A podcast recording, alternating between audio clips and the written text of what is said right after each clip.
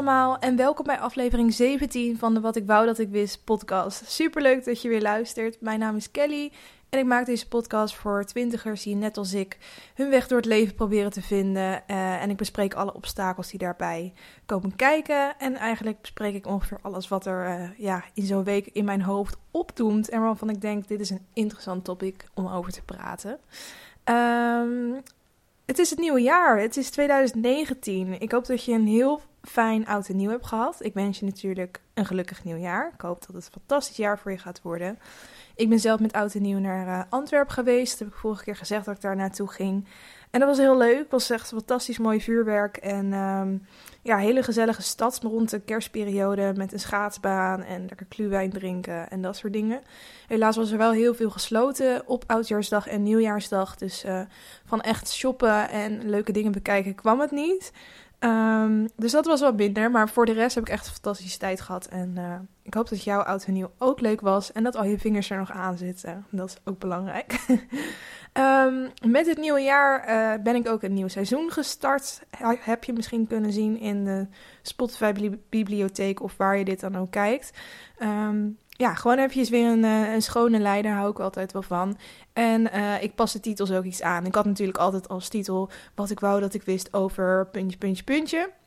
En dat vind ik heel leuk, want dat past natuurlijk bij de naam van de podcast. Maar uh, het geeft me ook weinig ruimte om ja, echt iets te zeggen over de inhoud in de titel. terwijl ik denk dat toch veel mensen gewoon scrollen door de titels om te bepalen welke afleveringen ze gaan luisteren. En uh, ja, door dat gedeelte weg te laten, kan ik nu gewoon iets meer zeggen in de titel. Dus vandaar dat ik dat uh, heb aangepast. Um, lijkt me geen probleem. Nou, laten we beginnen met de aflevering, de allereerste aflevering van 2019, jongens. Um, deze aflevering heet Waarom ik een emotioneler mens wil zijn.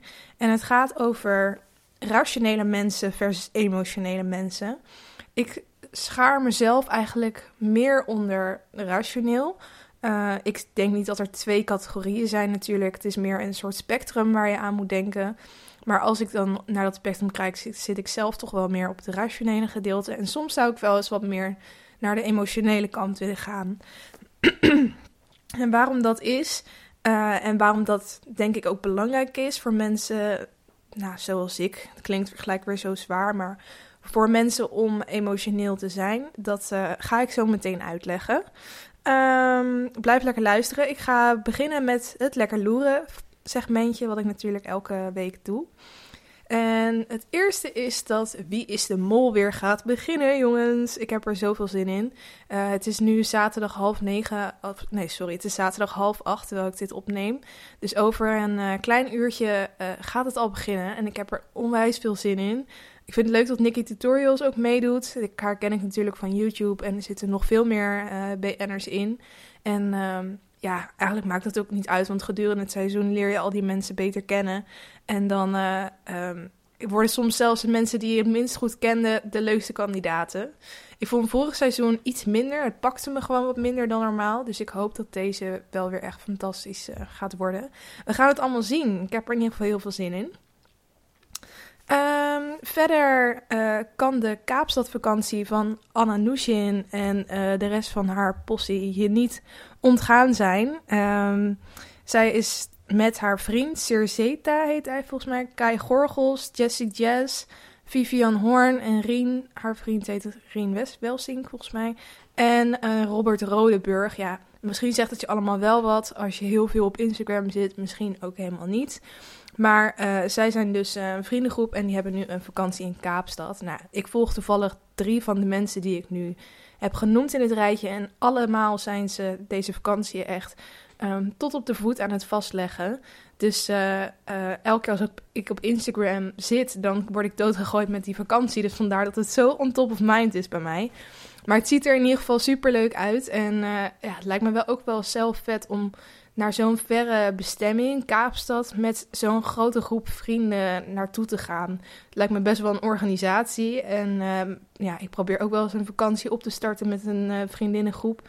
Maar dat is toch altijd best wel lastig. Dus uh, dit, ja, dit is natuurlijk gewoon een droomvakantie. Dus vind ik heel leuk. En um, ja, op een gegeven moment zat ik dus ook op de Instagram te kijken van die Robert Rodeburg. En hij had toen een shot dat hij in het jacuzzi zat. met Anna Nushin en haar vriend Zeta. En Kai Gorgels en Jessie Jess. Ehm, en toen zat Anna dus op schoot bij Zeta en Kai op, en Jessie Jess op schoot bij Kai. En had hij als onderschrift zoiets gedaan van um, fifth wheeling. Oftewel dat hij met twee stelletjes in uh, de hot tub zat. Maar wat niemand toen nog wist, was dat Kai, Gorgels en Jessie Jess dus een stelletje waren. Um, volgens mij is dat toen op die manier naar buiten gekomen, of het was al zo. Maar in ieder geval een, uur later had uh, Kai Gorgels ook een foto geplaatst uh, van hun tweeën. En dat zij dus nu een, uh, een stelletje zijn. Dus super leuk voor hun. ik zag Kai Gorgels altijd als de eeuwige vrijgezel. Uh, vanwege, uh, ja, gewoon, hij is zo. Uh, hij kan alleen maar grapjes uithalen de hele tijd. Zo lijkt het in ieder geval. Hè. En hij heeft natuurlijk meerdere kanten. En ja, hij zal vast niet alles laten zien op social. Maar het is gewoon één grote grapjas. En ik vind het wel cute dat hij dan nu opeens zo'n vriendinnetje heeft. Dus, dus dat. wat heb ik verder nog allemaal gespot?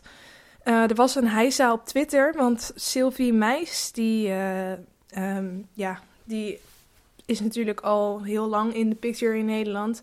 Um, ik weet eigenlijk niet zo heel goed wat zij nu doet. Maar ze was natuurlijk bekend vanwege de relatie met die voetballer. Nou, het is nu uit. Het was allemaal gedoe over. Uh, maar in ieder geval gaat het daar nu niet om. Het gaat om haar lichaam. Want zij is dus keihard aan het trainen. En ze, heeft, ze is echt al wel op leeftijd. Of nou ja, op leeftijd. Ze is gewoon al wel wat ouder. Maar ze uh, heeft dus echt nog een fantastisch lichaam.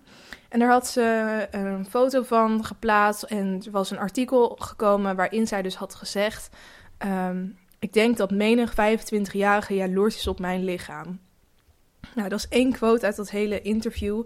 En die is als headliner genomen. En er waren dus allemaal mensen op Twitter overgevallen. Want ze vonden het maar wat verwaand dat zij dacht dat 25-jarigen jaloers op haar zouden zijn. Bla bla bla bla. En uh, nou, dat, daar waren mensen een beetje pissig over. En ik denk echt, why? Weet je, zij mag er gewoon super trots zijn op haar lichaam. Zij staat elke dag te rammen in de sportschool. Ik doe het er niet na. Het is echt, ik heb daar echt heel veel respect voor, voor mensen die dat doen.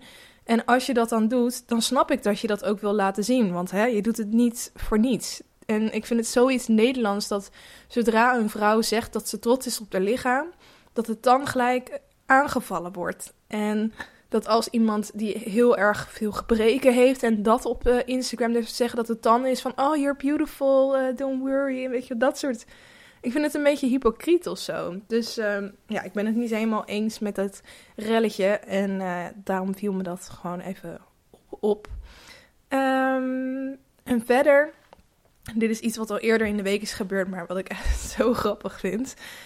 ik weet niet of je haar kent, Chrissy Teigen. Um, zij is de vrouw van John Legend. Zij hebben ook twee kinderen samen. Maar uh, Chrissy zelf is ook inmiddels wel een celebrity in Amerika dan. En op Twitter, want zij heeft dus echt fantastische humor. En ik volg haar dus op Twitter. En uh, zij had een uh, fragmentje gepost. Ik weet niet waar ze was. Het was een soort van. Uh, ja, live evenement waar zij werd geïnterviewd. Zij kwam langs of zo. En er stond daar zo'n vrouw in de regen met haar paraplu. Die best wel een beetje over de hoofd viel. Echt zo'n, nou ja, zo'n, zo'n, zo'n uh, ja, hoe zeg je dat? Zo'n paraplu die een beetje over je hoofd valt. Um, doorzichtig. En uh, die Chrissy, die wou haar dus een kus geven op de wang om haar te begroeten. En zij gaat dus met haar hoofd naar die interviewer of die presentatrice toe. En uh, ze zag blijkbaar die paraplu even niet of zo. Want ze gaat dus gewoon met haar gezicht tegen die paraplu. In plaats van dat ze haar hoofd onder die paraplu steekt om een kus te geven. En dan trekt ze me toch een gezicht. Nou, ik vind het echt een heel grappig fragmentje. Dus je moet het even googelen.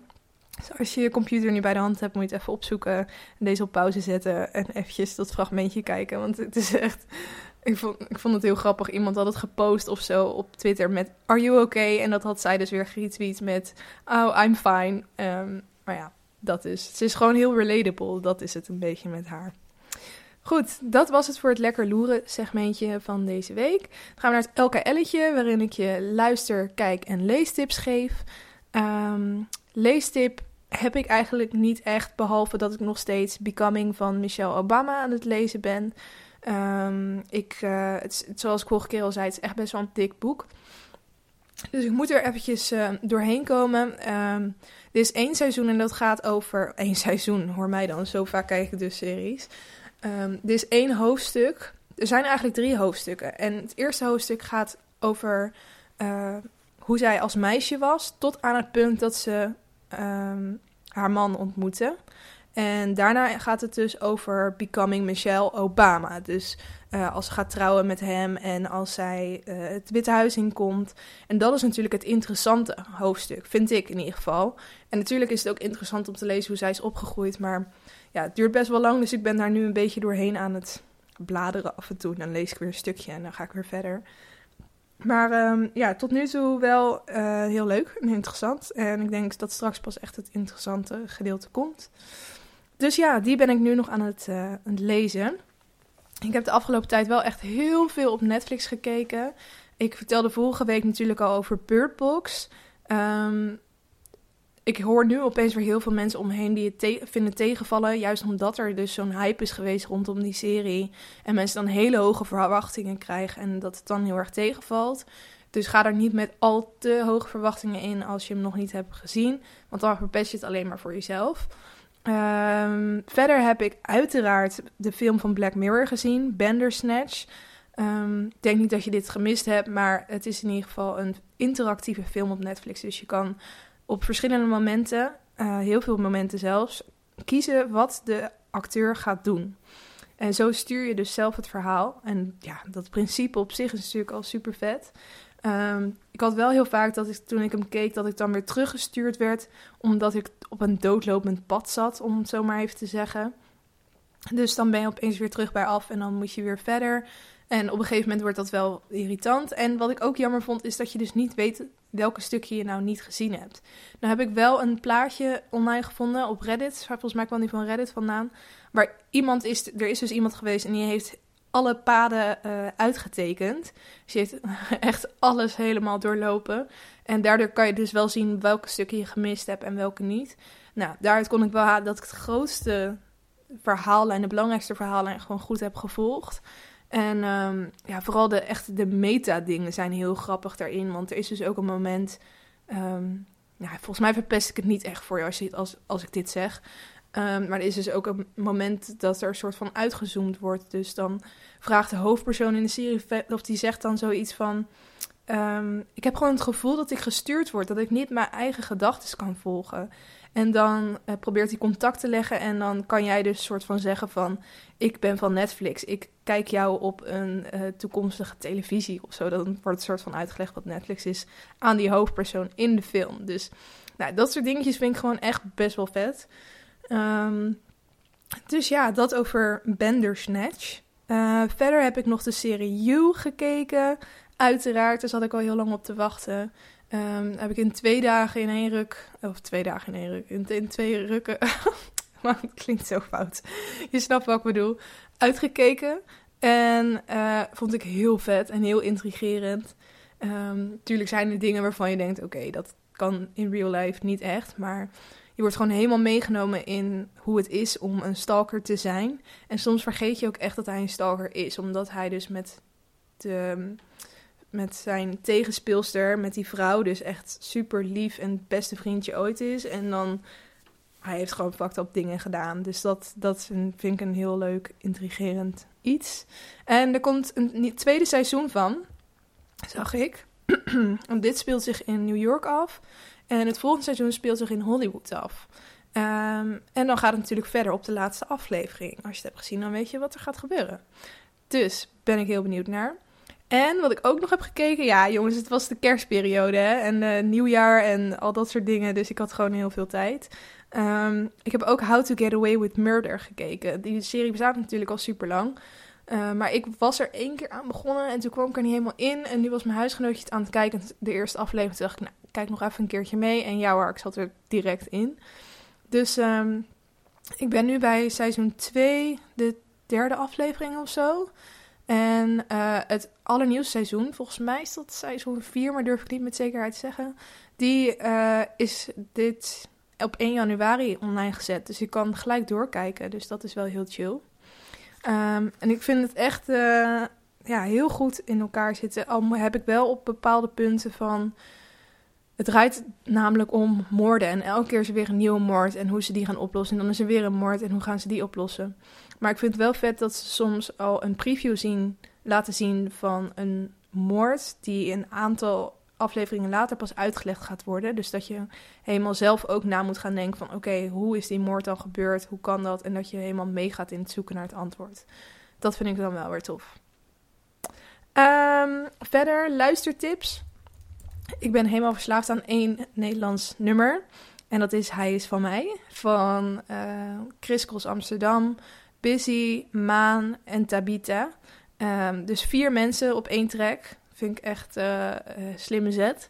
En het klinkt ook gewoon heel erg leuk. En hij lijkt een beetje op, um, niet qua melodie trouwens, maar op, qua tekst op That boy is mine. Als je uit de Zero's of leefde in de Zero's, wat als het goed is zo is, dan ken je dat nummer waarschijnlijk wel. Um, maar ik vind hem uh, heel tof. Een leuk nummertje. Kan ik lekker op gaan. Verder uh, Ken je Jojo nog? Met uh, Leave, Get Out, dat nummer. Leave, get out, leave right now. Ik zing echt veel te veel in deze aflevering, jongens. Um, goed, zij is opeens weer actief in de muziek. Zij heeft een heel album gedropt zelfs. En daarin heeft ze dus een uh, nieuwe versie van dit nummer gedaan. Eigenlijk heeft ze hem gewoon opnieuw ingezongen volgens mij, want ik hoorde niet heel veel verschil. En ze heeft ook een aantal uh, classics opnieuw, ja, een soort nieuwe versie van gemaakt. En dan echt op een andere manier eroverheen gezongen. En uh, ja, wel tof. Je moet het maar eens gaan, uh, gaan checken, dat album. Ik ben benieuwd wat je ervan vindt. En verder is er ook een ander nummer waar ik echt heel goed op ga. En dat is High Hopes van Panic at the Disco. Die wordt kapot gedraaid op de radio, maar ik vind het helemaal niet erg. Want ik vind hem echt heel lekker. En de tekst vind ik ook heel motiverend. Moet je maar eens naar luisteren. Het gaat er gewoon over dat je um, grote dromen hebt voor jezelf. En dat je die achterna wil gaan. En weet dat je er gaat komen. En uh, dat soort dingen. Dus dat is wel lekker motiverend. Dus dat was het voor het LKL'tje van deze week. En dan gaan we door naar het hoofdonderwerp van deze week. En dat gaat dus eigenlijk over emoties en het uiten van die emoties. Ik heb een vriendin en die is echt heel, hoe zeg je dat, emotioneel expressief. Haar leven is nooit saai. Ze maakt allemaal verre reizen en dan komt ze vol verhalen terug. Ze heeft ook altijd wel weer een verhaal over jongens en jongens die ze heeft gedate die haar zomaar aanspreken. Wanneer gebeurt jou of mij dat? Mij in ieder geval nooit. Um, of uh, dat ze mee naar een bal is gevraagd. Of uh, nou, allemaal van. Zij heeft altijd een bijzonder verhaal te vertellen. En ze kan daar dan helemaal vol passie over vertellen. Um, ze, ze, kan echt heel hoog in de emotie zitten. Positief, maar ook negatief. Dus het kan ook echt. Als, er gebeuren dan ook weer hele heftige dingen in haar leven. En dan kan ze dan weer heel verdrietig om zijn. En ze, is, ze is echt niet perfect hoor. Ze kan ook veel te veel over zichzelf praten. Of afspraken het cancelen.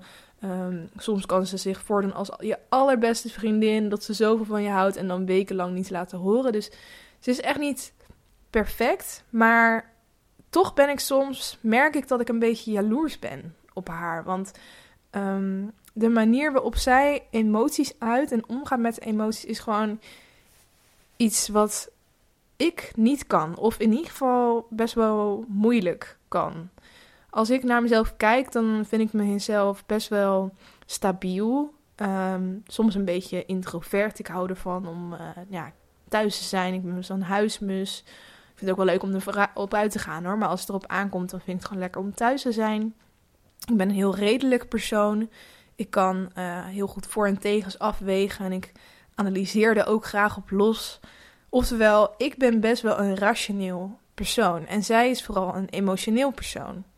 En allebei heeft zijn voor- en zijn nadelen hoor. Want ik kan bijvoorbeeld heel goed um, beslissingen maken. Ik ben heel trouw en loyaal. Als, als jij mij als vriendin hebt, dan kan je gewoon echt altijd op me rekenen.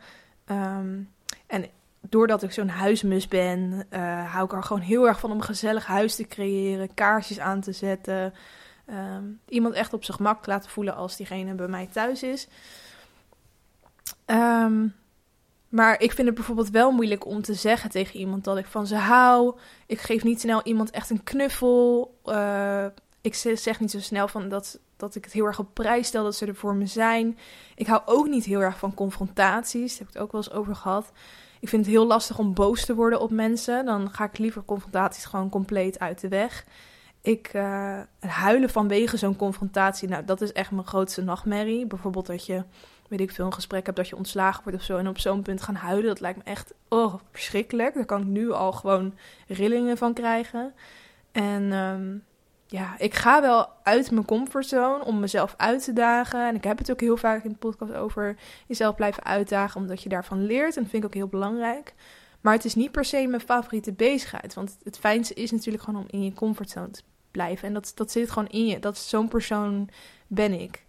Maar dit alles leidt ertoe dat ik mezelf soms maar een beetje een ja, soort saaie en kille ijsprinses vind of zo. Zeker als ik mezelf dan vergelijk met die avontuurlijke en expressieve vriendin van mij die ehm, elke dag met vol passie aanpakt en heel open is naar iedereen. En ja, als ik dan naar mezelf kijk, dan heb ik toch een beetje moeite mee.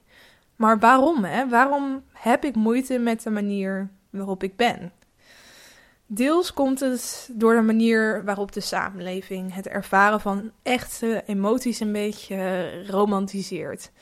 Denk bijvoorbeeld aan uh, ja, typische romcoms.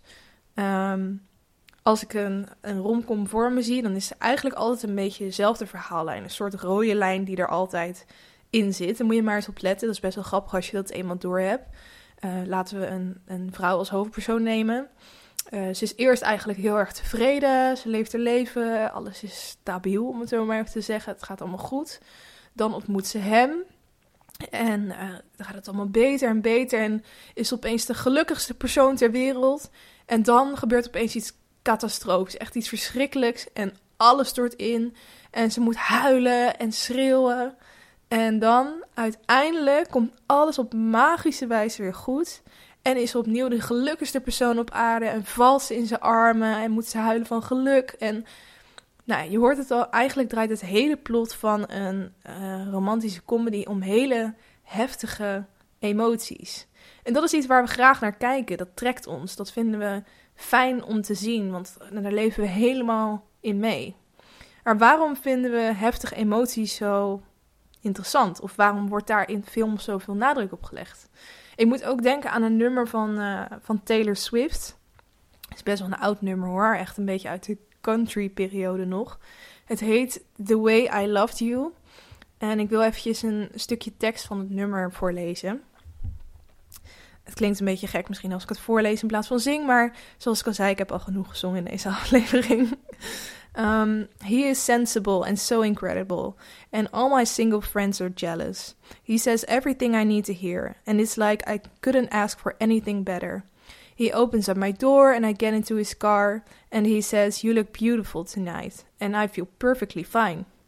But I miss screaming and fighting and kissing in the rain, and it's 2 a.m., and I'm cursing your name. You're so in love that you act insane, and that's the way I loved you. Breaking down and coming undone. It's a roller coaster kind of rush. And I never knew I could feel that much. And that's the way I loved you. Het gaat er dus eigenlijk om dat ze heel erg blij is en tevreden in een relatie, maar dat ze helemaal geen behoefte heeft aan die stabiliteit en dat tevreden zijn. Want eigenlijk wil ze gewoon schreeuwen en vechten en dat het uiteindelijk erop aankomt dat ze, moet, dat ze aan het kussen zijn in de regen. En ze wil eigenlijk gewoon dat haar leven een rollercoaster is. Dat zegt ze ook. It's a rollercoaster kind of rush. En waarom willen we dit? Waarom willen we dat ons leven één grote rollercoaster is? Zijn rollercoasters niet juist eng? Horen ze ons niet angst aan te jagen? Ik denk dat het uiteindelijk op deze Engelse uitspraak aankomt. Because it makes you feel alive. Op de momenten dat je zo hard lacht dat je geen geluid meer maakt en je echt buikpijn krijgt, dan voel je echt dat je leeft. Of op de momenten dat je gillend van een hoge klif in het water springt en je echt het gevoel in je maag krijgt, dan voel je dat je leeft. Of op de momenten dat je zo verliefd bent dat je niks anders kan dan diegene zoenen, dan voel je dat je leeft. En ook op de momenten dat je juist zo verdrietig bent dat je niets anders kan dan je, je ogen uit je kop janken, dan voel je wel echt dat je leeft. Je voelt emotie. Ehm, mijn vriend en ik die discussiëren vaak ook over, uh, over de toekomst, hè, waar dat nou allemaal heen gaat. Um, er wordt zoveel geautomatiseerd tegenwoordig en is natuurlijk ook artificial intelligence en ontwikkeling van robots. En uh, hij vindt dat allemaal super interessant en kijkt daar eigenlijk heel positief naar. En hij ziet zelfs, nou ja, wel in een hele verre toekomst natuurlijk, maar hij ziet wel voor zich dat, op, dat er een punt komt dat we onszelf één op één kunnen laten klonen. En dat die robot dan in niets verschilt op onszelf, zeg maar. Dat hij precies hetzelfde is als ik. Als ik mezelf zou laten klonen, dat hij dan één op één Kelly is. En dat eigenlijk dus gewoon een mens is. En ik voel dan gelijk in me dat ik me daartegen verzet. Want ik weiger dat gewoon te geloven. Want in naar mijn mening, een robot zal nooit de gevoelens kunnen hebben die ik heb. Want emoties zijn zulke complexe dingen. En hij zou misschien de uiting ervan kunnen nabootsen. Dat als hij blij is, dat geprogrammeerd is van, nou, van dit en dit word je blij. En als je blij bent, dan toon je een lach op je gezicht. Weet je wel, zoiets. Dat, dat geloof ik dat er uiteindelijk een moment komt dat we dat allemaal na kunnen bootsen. Kan waarschijnlijk misschien wel. Maar hij zal nooit de kriebels in, mijn in je buik kunnen voelen. Als je van die klif afspringt. Of als je degene op wie je helemaal verliefd bent een kus geeft. Die, of een knoop in je maag. Als je niet kan stoppen met huilen. Echt die hele heftige emoties. Die maken ons mens. En dat zal een robot nooit kunnen ervaren. En ik denk dat dat, dat wel echt. Het is een soort bestaansrecht. Het hebben van emoties. Ehm, en natuurlijk hoort dat niet alleen bij mensen. Het is, dieren hebben ook emoties. Maar hoe complex het bij mensen kan zijn, dat is iets dat gewoon echt bij een mens hoort. Ik moet ook ehm, eh, denken aan een uh, quote van Helen Keller. Uh, ik had hem al eventjes opgezocht. Ik was wat research aan het doen vooraf. En toen kwam ik deze quote tegen en die past hier echt heel goed bij. The best and most beautiful things in the world cannot be seen or even touched. They must be felt with the heart. Nou, het is natuurlijk een fantastische quote, maar het is ook wel heel, heel interessant om eventjes het verhaal van haar te vertellen. Want uh, Helen Keller, die werd geboren in Alabama in 1880. En zij werd door een, um, een ziekte doof en blind toen ze anderhalf jaar oud was. En uh, nou ja, dat ging. Eigenlijk was er toen nog niet echt iets waardoor je je dan ja, um, kon communiceren. Dat, dat bestond er nog niet echt. Toen, maar toen ze zeven was, toen kwam een lerares in haar leven, Anne Sullivan. En die heeft haar dus uh, leren vingerspellen. Dus um, toen ze, was zeven jaar oud en ze kreeg dus die lerares. En die lerares begon onmiddellijk met het aanleren van dat vingerspellen. En het eerste woord dat ze haar leerde was dol, oftewel pop. Want Helen had een pop voor haar meegebracht. En um, nou, het kwam nog niet helemaal door bij Helen, maar een maand later uh, drong het, die betekenis van het vingerspellen door. Toen uh, die lerares van haar het woord water spelde, terwijl het water uit een pomp stroomde en over hun handen ging. Nou, toen had ze dus eindelijk door en ze heeft die dag dus tientallen woorden gevraagd onder vader en moeder. En ze vroeg ook wie Sullivan was. En die spelde daarna teacher in haar hand. En uh, na een half jaar kende Helen dus al ruim 600 woorden. Die kon ze al vingerspellen. En Helen Keller is dus ook de eerste doofblinde die zowel een middelbare schoolopleiding als een universi universitaire studie heeft afgerond. Stel je even voor, het is de jaren 1880, 1890, inmiddels al begin 1900. En je bent doof en blind en je hebt gewoon een universitaire studie afgerond. Dat vind ik wel echt heel vet. Nou, in 1904 studeerde ze dus zelfs cum laude af aan het Radcliffe College in Boston, was dat. Um, ze leerde vijf talen: Engels, Duits, Frans, Latijn en Grieks. En ze heeft dus een tiental boeken geschreven, waaronder haar autobiografie The Story of My Life. Die kwam in 1903 uit. Um, ze heeft ook even over de hele wereld lezingen gehouden over onderwijs aan blinden en doven. Nou, het is dus echt een super mooi verhaal. En um, haar verhaal heeft ze dus opgeschreven in dat boek, The Story of My Life. En daar komt ook deze quote uit. En um, deze quote is eigenlijk van haar lerares en Sullivan, die dus ooit tegen haar zei: um, The best and most beautiful things in the world cannot be seen or even touched. They must be felt with the heart. Uh, ja, en ik vond het gewoon super mooi, dat verhaal, want het is echt zo. De mooiste dingen in het leven zijn de dingen die je echt iets kunnen laten voelen. Die emoties oproepen of die emoties juist heel erg versterken. Misschien herken je dat ook wel bij mezelf. Ik heb dat in ieder geval wel. Dat als ik merk dat ik vrolijk ben, dan zet ik het liefst ook nog mijn favoriete nummer aan. En dan ga ik staan en dansen en meezingen, zodat ik nog vrolijker word. Of als ik uh, in een achtbaan zit en ik ben eigenlijk al doodsbang, dan probeer ik juist nog eventjes mijn handen in de lucht te steken om het nog net een beetje enger te maken. Of um, ja, als ik me gewoon kut voel, dan ga ik ook het liefst allerlei depressieve pianomuziek luisteren. En een beetje door Tumblr scrollen op zoek naar foto's of quotes of tekeningen die me maar eigenlijk een beetje in diezelfde depressieve mood houden. Het is gewoon fijn om te voelen, om echt die emoties te voelen, omdat je weet, dit maakt mij mij, dit maakt mij mens. En, um, het klinkt misschien een beetje stom, maar voelen is leven. En daarom is dit een pleidooi om meer te voelen. Niet om daarmee minder mij te worden, Um, want ik hou wel een beetje van hoe ik ben, van mijn analytische brein en mijn huismus-vibes. Maar om op het moment dat ik merk dat ik boos ben, om die boosheid te uiten. Op het moment dat ik verdrietig ben, om te huilen. Om, op het moment dat ik blij ben, om te gaan gillen. Als ik merk dat ik van mensen hou, dat ik ze knuffel of dat ik ze vertel dat ik van ze hou. En dat alles zonder schaamte of terughoudendheid. Dat is mijn doel. Ik ben heel benieuwd wat je hiervan vond. Of je uh, er hetzelfde in staat als ik. Zoals altijd kan je meepraten uh, via mijn podcast. Wat ik wou, of mijn podcast uh, naam op Instagram. Ik heb daar een account, dat heet Wat ik wou dat ik wist podcast. En ik vind het heel leuk om daar berichtjes te krijgen. Niet alleen over de onderwerpen die ik behandel, maar ook gewoon als je feedback hebt of als je het leuk vindt om te delen waar je het hebt geluisterd. Ik kreeg van de week zelfs een berichtje van iemand die een roadtrip door Australië aan het doen is. En die dus uh, mijn podcast tijdens haar roadtrip aan het luisteren was. Vind ik echt hele leuke dingen om uh, te horen. Dus um, uh, weet wat je me daar altijd kunt vinden. Goed, dan gaan we naar de challenge toe. De challenge van vorige week was tijd maken om te lezen. Ehm, ik had natuurlijk een heel lekker dik boek en ik wilde daar ja, toch wel een beetje met een aardig tempo doorheen gaan. Dat is niet helemaal gelukt, uh, want ik heb gewoon weer heel veel gekeken en weinig gelezen. Komt denk ik ook omdat ik dus nog een beetje in het hoofdstuk zat waar er uh, nog wat minder boeiende dingen gebeurden. Um, dus ik heb wel de, de hoop dat uh, dat beter wordt en dat ik wat meer ga lezen. de challenge die ik mezelf deze week ga geven is om vast te houden aan mijn dieet.